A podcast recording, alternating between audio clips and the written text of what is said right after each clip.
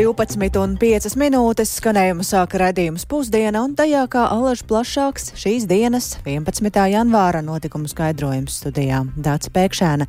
Esiet sveicināti! Un sākam ar šīs dienas galveno notikumu, to, ka pēcpusdienā Latvijā viesosies Ukrainas prezidents Volodimirs Zelenskis. Rīgā viņš ieradīsies jau pēc abu pārējo Baltijas valstu apmeklējumu, un vakar Zelenskis viesojās Lietuvā, šodien Igaunijā, bet šodien tātad tiekas ar Latvijas augstākajām amatpersonām. Uz Rīgas pili vēlāk pēcpusdienā dosies arī mans kolēģis Rihards Plūme. Sveiks, Rihard, šobrīd tu vēl pie mums studijā. Pirms tu dodies uz Rīgas pili izstāsti varbūt nedaudz vairāk par eh, šodien eh, plānoto Zelenska vizīti, ar ko viņš tiksies un vai arī Latvijas iedzīvotājiem būs iespēja viņu satikt. Jā, labdien! Nu, jāsāk ar to, ka vakar viņš uh, tieši tā viesojās Lietuvā un tikās tur ar valsts augstākajām amatpersonām un teica arī uzrunu Daukanta laukumā Viļņā. Uh, Pēc tam jau, kā noprotams, jau vakar vakarā ieradās Igaunijā, kur šodien tiekas ar valsts augstākajām amatpersonām tur un uzrunās arī Igaunijas parlamenta deputāts. Bet, ja mēs runājam par Latviju, tad sākumā jāpiebilst to, ka Zelenskim šī nav nebūtu pirmā viesošanās Latvijā, jo šeit viņš pabija jau pēc ievēlēšanas 2019. gadā, bet, ja par programmu, tad Rīgā tā norisināsies un galvenā norises vieta būs tieši Rīgas pils un tur Zelenski uzņemas valsts prezidents Edgars Rinkēvičs, un šī te eh, sagaidīšanas ceremonija pie pils ir plānota neilgi pēc pulksten četriem vakarā, kad jau būs eh, satums. Pēc tam arī abu kopīgs foto un Zelenska ieraksts uh, viesu grāmatā, bet vēlāk prezidentiem pēc pulksten pieciem vakarā būs kopīga preses konference, un ir sagaidāms, ka šīs preses konferences laikā Rinkēvičs arī izziņos jaunu Latvijas palīdzības pakotni Ukrainai. Arī vakar Lietuvā tika paziņots par papildu palīdzības paketu Ukrainai. Un no Ukrainas jau vairāk kārt ir izskanējuši pateicības vārdi Baltijas valstīm, kas neskatoties uz to, ka ir nelielas, tomēr sniedz lielu dažādu veidu palīdzību Ukrainai. Un arī vēl pēc preses konferences Ukrainas prezidents tiksies arī ar citām valsts augstākajām amatpersonām, proti tikšanās ar saimnes priekšsādātāju Daigu Mieriņu, premjeru Eviku Siliņu, un tiek norādīts, ka Zelenskis arī pārunās šo tikšanās laikā Latvijas un Ukrainas divpusējo sadarbību, arī Latvijas un citu sabiedroto atbalstu Ukrainai un arī jautājums, kas ir saistīti ar Ukrainas Eiro, Eiroatlantisko integrāciju, jeb tuvināšanos tātad Eiropas Savienībai. Un vēl arī gaidāms, ka abu valstu ārlietu ministri parakstīs Latvijas valdības un Ukrainas ministru kabinetu līgumu par tehnisko un finansiālo sadarbību. Un, ko tas nozīmē konkrēti? Šī līguma mērķis ir noteikti tiesiski pamatot kārtību, kādā puses nodrošina savstarpēju sadarbību un koordināciju, nolūkā padarīt vieglāku atbalsta programmu vai projektu īstenošanu Ukrainas gan atjaunošanai, gan arī stiprināšanai. Un runājot par to, ko tad būs iespējams varbūt cilvēkiem redzēt. Nu, jāsaka, kā tādu publisku, um, publiska programma, publiskas uzstāšanās uh, Zelenskiem gan uh, Latvijā uh, gaidāmas uh, nekādas uh, nav. Tātad programma ir sastādīta tāda, kāda tā uh, ir, vadoties no Uh, Ukrainas uh, puses uh, vēlmēm, bet nu, šī tā jāsagaidīšanas ceremonija pie pilsētā tad neilgi pēc pūkstenēm četriem vakarā. Nu, ja kāds dodas garām, tad jau iespējams varbūt, nu jau gan jāsaka tumsā, bet varbūt kaut ko varēs ar ātrus kaktiņu redzēt, jā. Jā, nu, Šajās dienās Zelenskis ir Baltijas valstīs, bet um, kas šajā brīdī notiek pašā Ukrainā?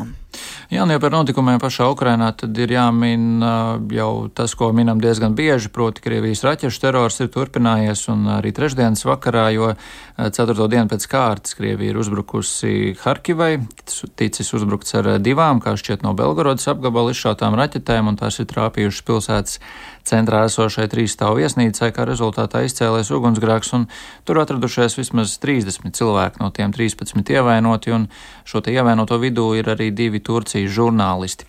Un uh, uzbrukumā cietušas arī citas ēkas, gan dzīvojamās, gan cita veida, un uh, raķešu un dronu triecieni pret Ukrainu uh, pēdējā laikā ir bijuši daudz un masīvi, un ir skaidrs, ka Krievijai vēl ir nemazums līdzekļu, ar kuriem īstenot triecienus.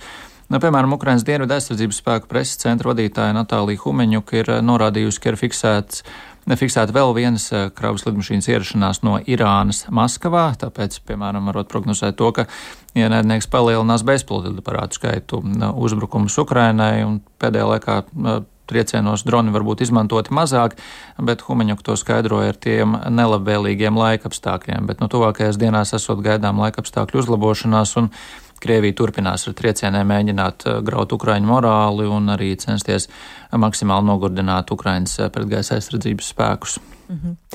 Paldies Rihardam Plūmēm. Tas tātad par Ukrainā notiekošo, kur joprojām turpinās Krievijas īstenotās nežēlības, bet vēl par Zelenska viešno, viesošanos Rīgā. Tad šeit esošie Ukraiņu bēgļi atzīst, ka to sagaida ar saviļņojumu un teju radniecīgām izjūtām, un tas viņiem ir liels morālais atbalsts. Tā žurnālistam Viktoram Damīdovam šodien atzina Ukrainas boršķu virtuves pavārs. Я очень рада, что наш президент посещает Латвию. Это поддержка. Esmu ļoti priecīga, ka mūsu prezidents viesojas Latvijā. Tas ir morāls atbalsts visai Ukraiņu tautai un pirmkārt tiem Ukraiņiem, kas pat labāk dzīvo Latvijā. Es atbalstu viņu un viņa politiku. Viņam ir ticis ļoti grūts laiks. Es domāju, ka pat labāk viņš pienācīgi tiek galā ar saviem pienākumiem. Что-то родное, что-то свое приехало, поэтому Ir atbraucis kaut kas tuvs, radniecisks, tāpēc sajūtas ir gan trauksmainas, gan priecīgas. Mēs mājās pārunājām, ko nozīmē šī viņa vizīte. Visdrīzāk tā ir pateicība Latvijas tautai. Un mēs no savas puses vēlamies pateikt lielu paldies, ka tik maza valsts dod tik daudz palīdzības, siltuma un galu galā darba. Arī māca mūsu bērnus. Jā, izskatīgi, что после этого визита Возможно, помощь военная, помощь гуманитарная все-таки станет больше. Es patiesi ceru, ka pēc šīs vizītes militārā un humānā palīdzība palielināsies, vai arī būs kaut kādi jauni projekti, kas palīdzēs vākt līdzekļus. Pat laban palīdzības ir daudz, bet tās nepietiek, lai situācija manāmi virzītos kara beigu un mūsu uzvaras virzienā. Tā pašas ukrainietes, bet cik liela loma ir Zelenska vizītē Latvijā un kāds varētu būt tās galvenais vēstījums par to šorīt raidījumā? Labrīt, mani kolēģi Artas Kuja un Lauris Zvenieks sarunājās ar Latvijas ārpolitikas institūta pētnieci Helīnu Vrablevsku un paklausīsimies viņas vērtējumu. Es domāju, ka šis brauciens ir pietiekoši nu, tāds zīmīgs, no vienas puses tāds diplomātisks un politisks paldies par uh, Baltijas valstu sniegto atbalstu, jo neskatoties uz to, ka varbūt pret kopējo fonu mēs patiešām sastādām tikai niecīgu daļu no visa kopīgā ekonomiskā, militārā, politiskā atbalsta, kas ir uh, Ukrainai sniegts un humanitārā tā skaitā, tomēr uh, priekš mums, teiksim, priekš mūsu mērogiem šis atbalsts ir pietiekoši vērā ņemams. Līdz ar to tas ir no vienas puses tāds skaists politisks, diplomātisks žests. No otras puses šī Bitte. Tūre pa Baltijas valstīm. Tas, kas ir Zelenska retorikā arī pašā novērojams, ir tas, ka viņš runā nu, teiksim, par trešo kara gadu, kas tūlīt jau gandrīz ir pienācis klāt, un par to, ka nu, it kā varētu gaidīt kaut kādu iznākumu. Nu, mēs, protams, objektīvi mēs nevaram spriest, vai tas iznākums būs tāds, kādu Ukraina gaida, bet es to varbūt raksturotu par to, ka ir maratona skrējējs, viņš iespējams domā, ka pēc nākamā pagrieziena jau ir tā finiša taisna, un tad viņš mēģina nu, pēc iespējas mobilizēt visu, kas sevī ir psiholoģiski, fiziski un tā tālāk.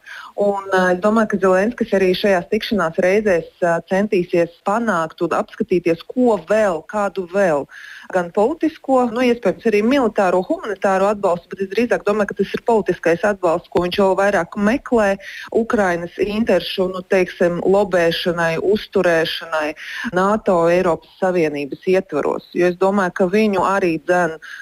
tāpat kā mūs visus uztrauc, varbūt cik paradoxāli nebūtu ne tik daudz vēlēšanas Krievijā, kas būs martā, jo tur mēs iznākumu pa lielumu jau zinām, bet drīzāk vēlēšanas Amerikas Savienotajās valstīs. Jā, jūs sakat, ka šis ir skaists politisks žests, bet vai karš ir īstais brīdis, kad demonstrēt skaistus politiskus žestus? Nu, tā, mēs vienmēr varam kritizēt, vai kara apstākļos prezidentam uh, vispār vajadzētu varbūt kaut kur braukt un uh, nodarboties ar diplomātiju. Bet atcerēsimies, tā ir svarīga sastāvdaļa tam, lai Ukraina sev nodrošinātu gan politisko atbalstu, gan militārās piegādes arī turpmāk. Līdz ar to tas ir nepieciešams. ASV prezidenta vēlēšanas ir viens, iespējams, te pati situācija Eiropas Savienībā un gaidāmās Eiropas parlamenta vēlēšanas, tāpat Ungārijas faktors un citas zemūdens traumas, kas šobrīd iezīmējas aktīvāk, varbūt arī tās ir Zelenska simboliskās vizītes uzmanības lokā. Ja mēs runājam par Ungāriju, tas akmens vienmēr ir klātesošs. Viņš patiesībā tā nekur nav pazudis. Es nedomāju, ka Zelenskam vajadzētu īpaši uztraukties par uh, Eiropas parlamenta vēlēšanām. Nu, teiksim, es to tā neredzētu.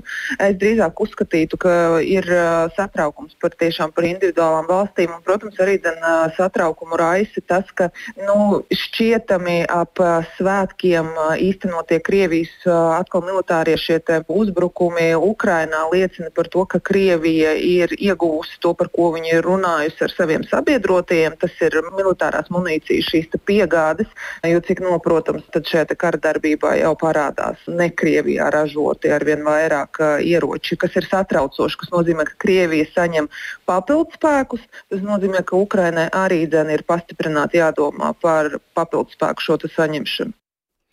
Dzirdējām Latvijas ārpolitikas institūta pētnieci Elīnu Vrobļevsku, un es vēl tikai piebildīšu, ka Zelenska vizītē visas dienas garumā sekosim līdzi arī mēs Latvijas radio. Pēc ziņām pulksten 17. kas parasti ir raidījuma starpbrīdis laiks, tad studijā būs kolēģi Haidis Tomsons un Edvards Liniņš, lai plašāk sarunātos par to ar politologiem, un pussešos tiešādē varēsiet dzirdēt arī Zelenska preses konferenci.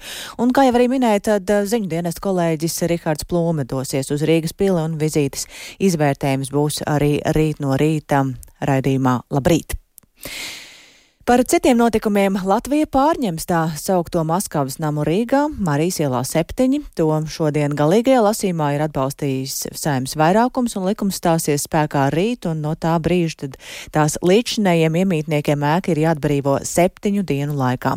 Likumu par ēkas pārņemšanu veidoja, jo arī pēc Krievijas pilna mēroga iebrukuma Ukrainā Maskavas namā kultūras pasākumu un interešu izglītības aizsargām telpas ir iznomātas norisēm, kas liecina par atbalstu Krievijas īstenotajai agresīvajai ārpolitikai. To saimnes sēdē uzsvēra arī deputāts Edvins Šnore no Nacionālās apvienības. Laikā, kad Krievija veids kara noziegumus un genocīdu Ukrainā, bija pilnīgi nenormāli, ka mūsu valstī funkcionēja nams, kur brīvi tika koordinēti un realizēti Maskavas teroristiskā režīma ietekmes pasākumi Latvijā. Kremlis nav žēlojis resursus, lai nostiprinātu savu ietekmi ne tikai humanitārajā jomā Latvijā, bet arī ekonomiskajās aprindās. Mēs paužam gandarījumu, ka Krievijas ietekmes aģentiem nav izdevies nobremzēt šī likuma pieņemšanu. Latvijas pilsoņi ir skaidri pauduši, ka necietīs Latvijā Krievijas maigās varas izpausmes, jo lieliski saprot, kas seko pēc tam. Ukrainā mēs redzam, ka pēc tam seko tanki, bumbas un raķetes. Pēc tam ir spīdzināšana un nogalināšana, jeb citiem vārdiem, Krievu pasauli. Mēs negribam to redzēt Latvijā. Un eh, tagad pēc šī saimas lēmuma valdībai līdz marta beigām ir jāpiedāvā priekšlikumi turpmākām darbībām ar šo namu. Nu, jau ir izskanējis, ka valsts šo ēku varētu pārdot izsolē un iekasēto naudu nodot Ukrainai. Bet elektrības cenas šobrīd Ziemeļvalstīs un Baltijā ir stabilizējušās, bet vēl pavisam nesen biržā bija vērojams straujuši cenu kāpums, kā šorīt redzīmā labrīt kolēģei Artai Skujai sacīja klimata un enerģētikas um, departamenta direktors Gunārs Valdmanis um, enerģijas ražotāja Baltijas valstīs cenu svārstības spēja diezgan veiksmīgi prognozēt, un konkrētais cenu lēciens bija saistīts ar negaidītām un neprognozētām laikapstākļu svārstībām gaisa temperatūras samazināšanās līdz pat eh, diezgan ekstrēmām temperatūrām pat Somijas un Zviedrijas dienvidu apgabaliem, tātad aptuveni mīnus 40 grādiem, kas eh, nu, nelaimīgā kārtā sakrita arī ar atsevišķiem remontiem Somijas elektrostacijās. Tā rezultātā valstī veidojās gan augstāks patēriņš vienlaikus, gan arī attiecīgi nu, samazināta ražošana. Tas arī īslaicīgi tiešām šīs cenas tātad uz vienu dienu aizvirzīja tādā izteikti augstākā līmenī, bet eh, kā varam redzēt, jau pēc tam ražotājiem spējot tātad jau mobilizēties un eh, palielināt šo izstrādi, kā arī mīkstinoties laika apstākļiem, faktiski jau cenas ir nostabilizējušās. Un, protams, ar zināmu iespējamību atkal sakrītot tādiem vairākiem ļoti nelabvēlīgiem apstākļiem cenu kāpums teorētiski ir iespējams, bet tā nu, iespēja ir diezgan niecīga. Varam teikt, ka šī ziema nu, nav īpaši varbūt, eh, nestabilāka vai riskantāka no cenu viedokļa, kā tas ir principā katru gadu šajā periodā. Bet nu nav tā, ka mēs tos riskus, līdzīgi kā laika prognozi, redzam uz priekšu, varam paredzēt, ka būs augstāks, būs lielāks patēriņš un mēģināt uh, skatīties izlīdzsvarot, kā ir ar pārējām valstīm, nu, lai nebūtu tā biržas šoka. Principā eh, ražotāji lielākajā daļā apgabalu, tā skaitā arī Baltijas valstīs, to arī sekmīgi izdarīja. Un šie riski tika precizēti, bet nu, pilnībā viņus, diemžēl, nav iespējams tā identificēt. Arī dažas dienas uz priekšu, un minēšu šeit piemēru. Tātad no pirmdienas rīta Latvijā, ja, ja mēs palūkojamies uz laika prognozēm, tad prognozes mums solīja aptuveni mīnus 20 grādu salu. Tomēr tas sasniedza jau faktiski, ja tajās rīta stundās jau mīnus 28, kas, protams, ļoti būtiski var ietekmēt. Un, diemžēl, nu, pat meteorologi ar tādu precizitāti šādas straujas nobīdes, kas var īslaicīgi ietekmēt arī energoapgādi, ar simtprocentīgu precizitāti tomēr paredzēt, diemžēl, nevar. Tālāk klimata un enerģētikas ministrijas enerģijas tirgus departamenta direktors Gunārs Valdmanis. Bet šajās dienās sabiedrības uzmanības centrā ir arī notikušais Lietuvā, kad trīs dienas tika meklēta deviņus gadus vecā meitenīte Agota, kura Svētdien bija izgājusi no mājām Kaunijā un pazudusi bez vēsts. Meitene tika atrasta dzīva, un viņas nolaupītājs, kāds 42 gadus vecs Kaunijas iedzīvotājs, ir aizturēts. Šo noziegumu šobrīd vēl izmeklē, un plašākas detaļas netiek sniegtas, taču notikušais ir licis arī pie mums pievērst lielāku uzmanību bērnu drošībai. Vecāku organizācijas mamām un tētiem vadītāja Inga Akmentiņa Smildziņa sarunā ar žurnālistu Agniju Lazdeņu šodien atzina, ka Lietuvas gadījums vecākus esot diezgan stipri satraucis, jo zemapziņā daudziem liekoties, ka, citēju, manu bērnu jau nekad nenozags, jo bērnus zogo tikai tālās un svešās valstīs, nevis tepat kaimiņos. Es domāju, ka tas satraukums lielā mērā ir tāpēc, ka mēs ikdienā neesam domājuši par to, ka mūsu bērnu var vienkārši nozagt. Un es domāju, ka pamatā vecāki ar bērniem ir runājuši par tādu drošību ar svešiniekiem, neielaisties sarunās un tam līdzīgi, bet kā var vienkārši paņemt nozagt, varbūt mēs to domu neesam savu galvā tādu turējuši, un tad uzreiz rodas bažas, vai un ko es ar bērnu vispār par šo esmu runājusi, vai es esmu kā vecāks nodevis bērnam informāciju par to, kā šādā situācijā rīkoties. Noteikti par drošību ir jāstāsta. Es gan teiktu, ka tā ir tāda ļoti pozitīva pēdējo gadu tendence, ka gan bērngārzos, gan skolās mēs redzam, ka bērniem stāsta par drošību, stāsta vairāk kontekstā, kā pateikt stop, kā nerunāt ar svešiniekiem par šādām lietām. Un tas ir ļoti, ļoti pozitīvi, ka par drošību nu, tādā kontekstā ar svešiniekiem vai arī par drošību pat arī no pazīstamiem, kas var nodarīt pāri bērngārzos un skolās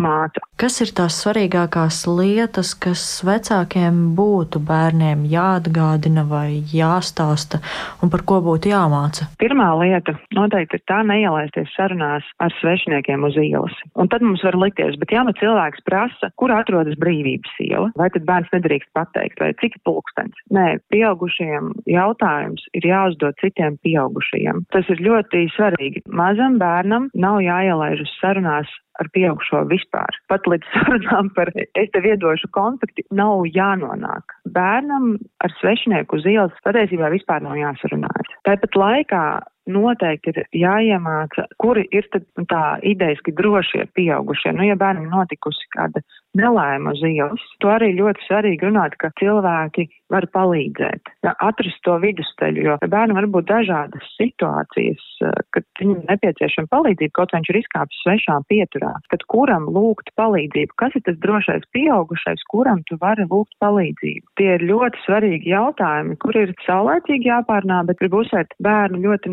nesabiedējot, jo vienlaikus svešinieks var būt apdraudējums, bet svešinieks var arī būt palīdzība. Un kā to atšķirt? Un par to, kā skolas domā par bērnu drošību un ko gal galā par to zina paši bērni, tad eh, klausieties reportāžā no kādas skolas programmā pēcpusdiena. Bet eh, būtiskas izmaiņas no nākamā gada skars smēķētājus. Iegādāties cigaretes un dažādus tabaks izstrādājumus, kā arī smēķēt līdz 20 gadu vecumam nedrīkstēs. Un tāpat no nākamā gada ir aizliegta tabakas aizstājai produkti, kas satura aromatizētājus, izņemot tādus, kas rada tabakas smaržu vai garšu. To paredz būtiskas likuma izmaiņas, kas šodien tika pieņemtas saimā. Un, ja iepriekš par šiem grozījumiem diskusijas bija karstas un plašas gan parlamentā, gan sabiedrībā, tad šodien politiķi par likuma projektu nobalsoja bez lielām debatēm. Garāka doma apmaiņa gan izvērtās par to, vai pašā saimā saglabāt smēķētavas. Un saimas darbam līdzi sekoja Jānis Kincis. Sveiks, Jāni, un saki, ar ko tad ir jārēķinās smēķētājiem? Jā, secināti ar šiem ilgi, tiešām apmēram četrus gadus gatavotajiem likuma grozījumiem no nākamā gada palielinās vecumu no 18 līdz 20 gadiem, no kura var iegādāties tabakas un citus meķēšanas produktus. Paredzēts aizliegt aromatizēto elektronisko smēķēšanas ierīču tirzniecību un arī dzen, dažādi Kā var noprast, arī dažādi jauniešu vidū populāri smēķēšanas produkti ar dažādiem aromātiem no nākamā gada vairs nebūs nopērkami. Būs atļauti tiešām tikai tādi elektronisko smēķēšanas ierīču šķidrumi un tabakas aizstājie produkti, kam ir tabakas smarža vai garša. Secīgi no šiem likuma grozījumiem Veselības ministrija arī gatavos izmaiņas krimināla likumā, lai sakārtot arī atbildības un kontrolas jautājumus. Un Līdzīgu ierobežojumu kopumu gatavo arī citās Eiropas Savienības valstīs. To norādīja Saimas Sociālo un darba lietu komisijas deputāte Līga Kozlauska no Zaļo zemnieku savienības. Jānorāda, ka arī Latvijas ārstu biedrība un ārstu profesionālās asociācijas šonadēļ aicināja Saimu nekavēties apstiprināt tabakas izstrādājuma aprites likuma grozījumus. Mediķi vērs uzmanību, ka aptuveni 90% nikotīna atkarības gadījumu, 90% nikotīna atkarības gadījumu sākas jau pirms pilngadības sasniegšanas. Un to veicina arī šie elektroniskie smēķēšanas rīki, turklāt tieši aromatizētie ir galvenais veids, kas ar vien plašākai bērnu un jauniešu piesaistēji veicina šo bērnu un jauniešu piesaisti šiem nikotīnu saturošajiem produktiem. Um, likumā būs iekļaut arī papildus smēķēšanas ierobežojumi, tostarp aizliegums smēķēt azartspēļu zālēs. Un, uh, Galīgajā lasījumā bija kopumā 81 priekšlikums, kuru izskatīšana saimnes sēdē bija ļoti ātra, par vairumu no tiem nemaz nebalsojot. Tātad piekrītot tiem vai to noraidīšanai. Vienīgās debatas un tām sekojošs ļoti sadrumstalots balsojums bija par apvienotā saraksta frakcijas deputāta Ingmāra Līdeks priekšlikumu, kas atļaus saglabāt smēķētavas saimā un ministru kabinetā. Lūk, kā deputāts Līdeks to komentēja. Pie īpaši niknām bitēm tomēr jāņem līdzi ir nomierināšanai dūmu kanna. Un es šeit arī neizklāstīšu vairāk par to, cik ļoti pedagoģiski un saimu prezentējoši izskatās nu, teiksim, bariņš, apsniguši, pīpējoši deputāti pie barikāžu pieminekļa. Man šķiet, tas nav saimu prezentējoši. Lai kāds arī būtu šis balsojuma rezultāts, neviens no mums neiegūs nekādu politisko kapitālu. Bet krietnam pulcņam cilvēku varbūt paliks sirdī zināms rūkums. Nu jā, un šo debašu turpinājumā izskanēja gan atbalsts uh, idejai par smēķētavu saglabāšanu saimā, gan arī nosodījums par šādu ieceri, kas nerādīšot priekšzīmi citiem. Lūk, fragmenti no jaunās vienotības frakcijas deputātu Aināra Latkovska un Gata Liepiņa teiktā. Mēs ar Līdeku kungu esam pazīstami jau kādu laiku no studiju gadiem, dzīvojot vienās Latvijas universitātes kopmītnēs. Līdeku kungs smēķēja tad, viņš smēķēja zooloģiskajā dārzā, viņš smēķēja arī saimā. Mēs viņu nesalauzīsim. Smēķēt vienkārši uz desmit metrus no saimnes ir vēl riebīgāk nekā saimai uzturēt normālu telpu, kur to tiešām var darīt šeit iekšā. Cilvēks ir iracionāla būtne, tā kā viņš norāda citiem, kas viņam būtu jādara. Viņš ir ļoti nasks, bet tai pašā laikā, kad ir runa par mums pašiem, par saimnes smēķētavu, nē, mēs turpināsim to darīt tā, kā mēs to darījām līdz šim. Jāpiebilst, ka saimnes komisija šo priekšlikumu nebija atbalstījuši, taču, šo, taču šodien saimnes plenārsēdē sekojošā balsojumā 54 deputāti atbalstīja smēķētavu saglabāšanu saimā un ministru kabinetā. Pret to bija 25, bet atturējās viens. Taču kopumā šos apjomīgos likuma grozījumus atbalstīja 77 deputāti un tikai daži atturējās. Dace. Paldies Jānim Kīncim, un ar to arī izskan raidījums pusdiena, ko veidojām mēs, Dāca Pēkšēna un Ilza Agīnta, kā arī Uldis Grīnbergs un Ernests Valts Fjodorovs. Es tikai atgādināšu par šīs dienas centrālo notikumu Zelenska vizīte Rīgā, kam sekos līdzi arī Latvijas radio, būs gan sarunas ar politologiem, arī preses konferences translācija un arī izvērtējums rītraidījumā. Labrīt! Yeah.